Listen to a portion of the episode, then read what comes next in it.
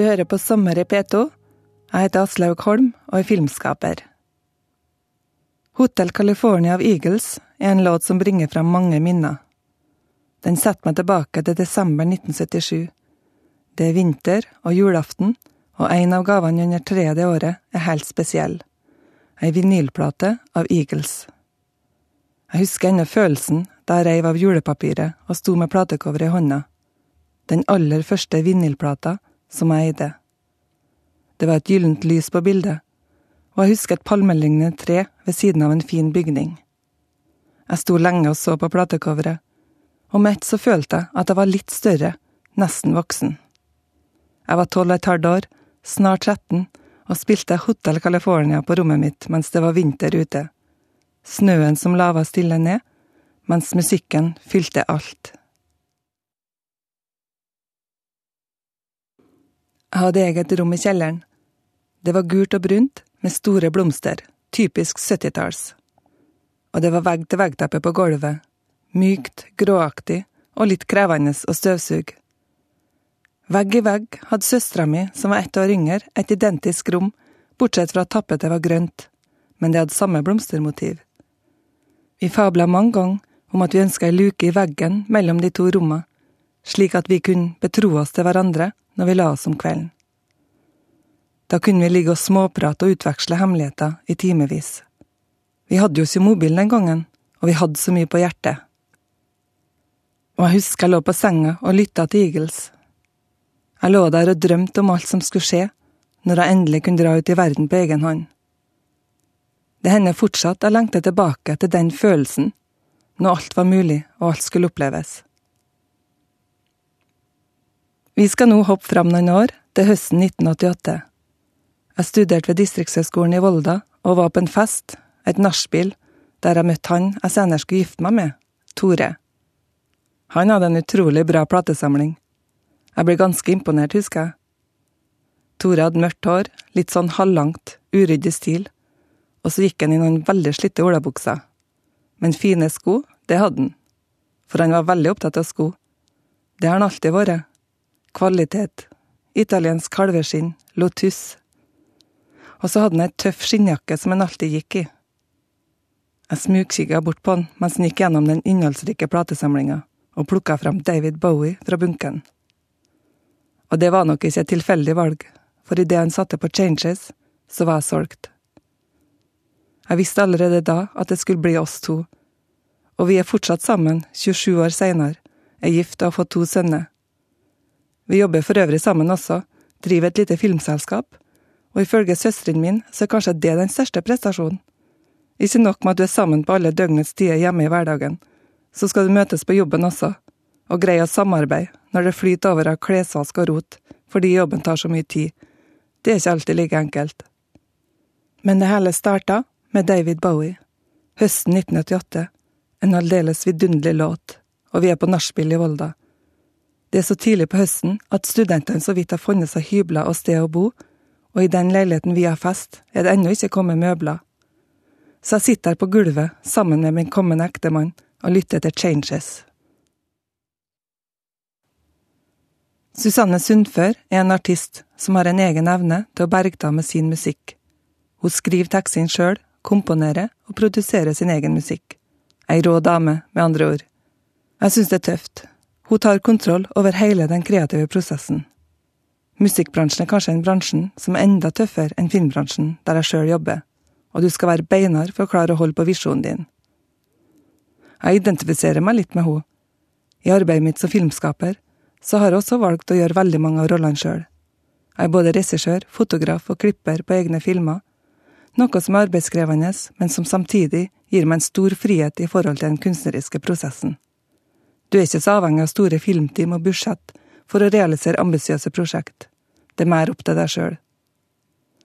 Susanne Sundfør har også vært veldig bevisst på at hun ikke skal plasseres i bås som kvinnelig artist. Derfor valgte hun å trekke seg fra nominasjonen til Spellemannsprisen i 2010.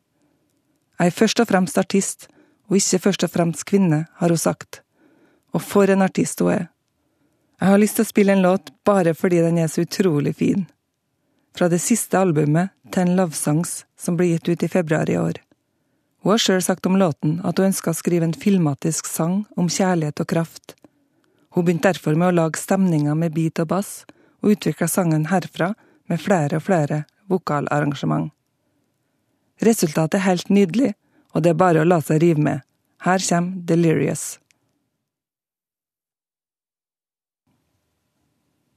På et av fiskeværene utenfor Smøla, der jeg vokste opp, så finnes det et høydedrag som har navnet Alvåret. Det er et sterkt navn. Bakgrunnen for navnet er at når det storma ute, så gikk fiskerkvinnene opp på høydedraget for å speide etter mannfolka sine som rodde hjem fra fiske. Det var farlig, og de måtte greie å ro forbi noen skumle skjær for å komme trygt inn til land.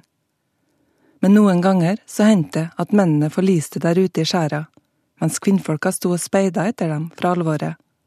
Da kunne de se ektemennene sine, og noen ganger sønnene sine, drukne i det voldsomme havet. Så dramatisk, og uten at de kunne gjøre noe som helst. I vår moderne hverdag er det helt uvirkelig å tenke på at det har skjedd for bare 80–90 år siden. Min bestemor på farssida, Aslaug Bergtora, mistet to av brødrene sine ute på havet, og den sorgen måtte hun leve med hele livet. Jeg har funnet fram en salme som har lindra mye smerte og savn. En salme jeg liker veldig godt. Ingen er så trygg i fare som Guds lille barneskare. Den har et alvor i seg som jeg blir veldig rørt av. Den minner meg om min mormor Ingara. Hun var sterkt religiøs og var veldig glad i salmer. Den minner meg også om havet, det enkle og harde livet som mine forfedre levde. Vi skal høre en veldig flott versjon av salmen, sunget av Berlevåg mannssangforening. I år 2000 så jobba jeg som fotograf og klipper på filmen om Berlevåg mannssangforening, Heftig og begeistret. Regissør Knut Erik Jensen hadde en idé om å sende inn meg alene som kvinne med et kamera og portrettere mannfolka i koret. Da kom jeg mye nærmere enn om vi var et helt filmteam som skulle filme karene. Og jeg ble veldig godt kjent med spesielt én av sangerne i koret, Trygg. Han var veldig politisk engasjert og langt til venstre i politikken. Han var vel egentlig kommunist, i sine unge dager så hadde Trygg spilt i et rockeband. Han var vokalisten og hadde en flott sangstemme. Da jeg hørte han synge på scenen for første gang i Berlevåg, så fikk jeg denne absurde ideen om å filme en naken i et badekar mens han sang en kjærlighetslåt av Elvis. Trygg var veldig overraska over dette påfunnet, men var med på tanken når jeg sa at hvis folk skulle lytte til det han hadde å si, så måtte de bli kjent med han. Og hvis han sang Can't Help Falling In Love i et badekar, så ville folk smelte og især kvinnene, når de så han på filmlerretet.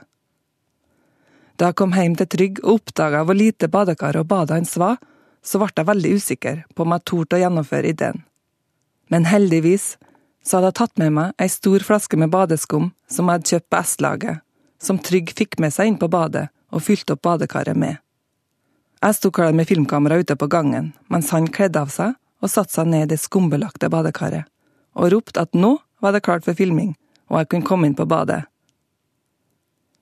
Men idet jeg kom inn med filmkamera, så slo det meg at det satt faktisk en naken mann i badekaret, og da ble det et øyeblikk veldig stille der inne. Trygg i badekaret begynte å fleipe og gjøre ablegøye for å kamuflere den pinlige stemninga, og tok skum i ansiktet for å dekke seg bak. Jeg som sto bak kamera, skjønte at det her ble ikke så gode filmopptak, så jeg tok en ganske vågal beslutning og gikk bort til Trygg. Jeg bøyde meg ned og tørka skummet forsiktig av ansiktet hans og sa akkurat denne sangen her skal du ikke gjøre humor av, men syng som en kjærlighetslåt direkte til meg. Og da var det akkurat som vi begge slappa av, og han begynte å synge Can't Help Falling In Love, så romantisk og flott direkte i kamera, slik at kinopublikummet som så den ferdige filmscenen, smelta og ble helt forelska i Trygg og Berlevåg mannssangforening. Trygg gikk bort i vinter, og det er derfor ekstra vemodig å høre sangen nå. Jeg har fulgt Jens Stoltenberg med filmkamera i flere år, både før han ble statsminister og etter at han kom tilbake i maktposisjon høsten 2005. Det ble til filmen Oljeberget. På et av filmopptakene så var vi tilbake på gamle trakter, der han vokste opp på Frogner. Vi var i Tinkernparken og besøkte den gamle ungdomsklubben der han vanka som tenåring.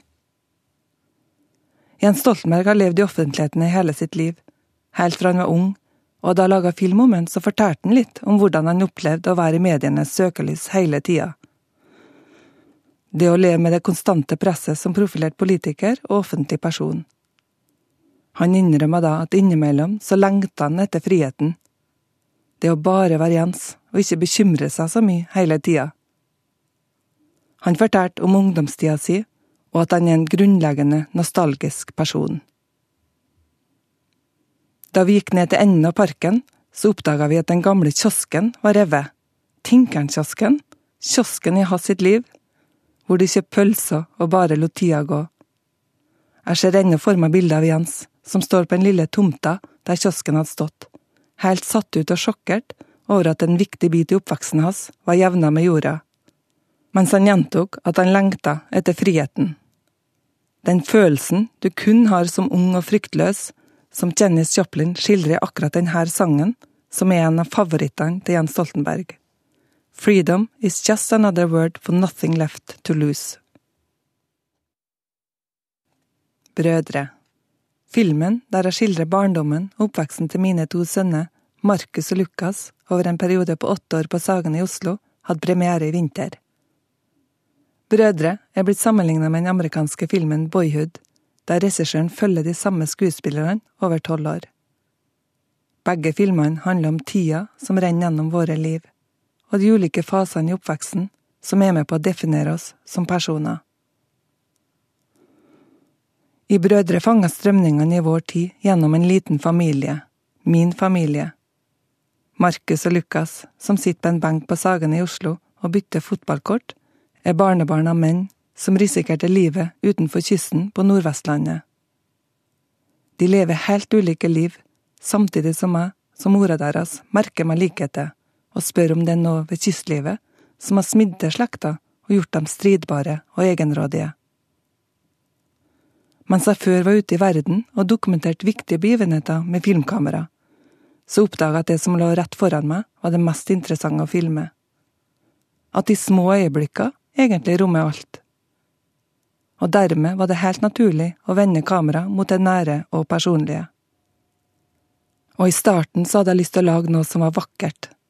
Da Lukas, lillebroren, var fem år, så var han så klok, han sa så mye poetisk, han kunne si mamma, hva skjer med drømmene mine når jeg er død? Lever de fremdeles da? Og jeg tenkte, dette må jeg lage film om. Tenk å kunne filme hvem vi er fra begynnelsen av, og hvorfor vi blir som vi blir. Og i sjølve brødrerelasjonen ligger jo alt. Kjærligheten, konkurransen, det som bygger deg opp, og det som bygger deg ned. Alt starter egentlig med to mennesker. Der ligger håpet og mulighetene. Det nære, det lille i det store. Og med ett så slo det meg at hele verden ligger innenfor det lille universet på Sagene. Ei elv, en skole, en kiosk, en fotballbane, en bakgård. Små steder som rommer en hel barndom. Og mens tida er uendelig når du er liten, så opplever jeg at som mor så går den så altfor fort. For hvilke øyeblikk husker du egentlig når du ser tilbake?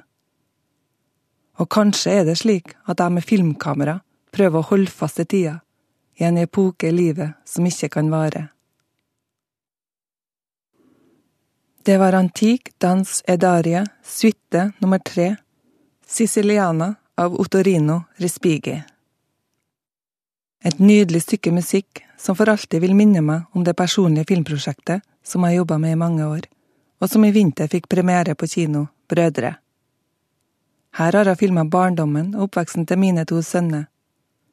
Vi ser storebror Markus når han sitter på en benk og viser lillebror Lukas et musikkblad med bilde av det engelske rockebandet Green Day. Markus betror broren at han har tenkt å farge håret svart, akkurat som vokalisten Billy Joe Armstrong. Og helt til slutt vil jeg gjerne spille en nydelig låt laga av bandet Majestic, der den eldste sønnen min Markus spiller gitar. Så låten vi skal høre nå, vil for alltid minne meg om denne fasen i guttas liv, når de er ved starten av tenåra, og opprøret og frigjøringa for oss foreldre og autoritetene starter.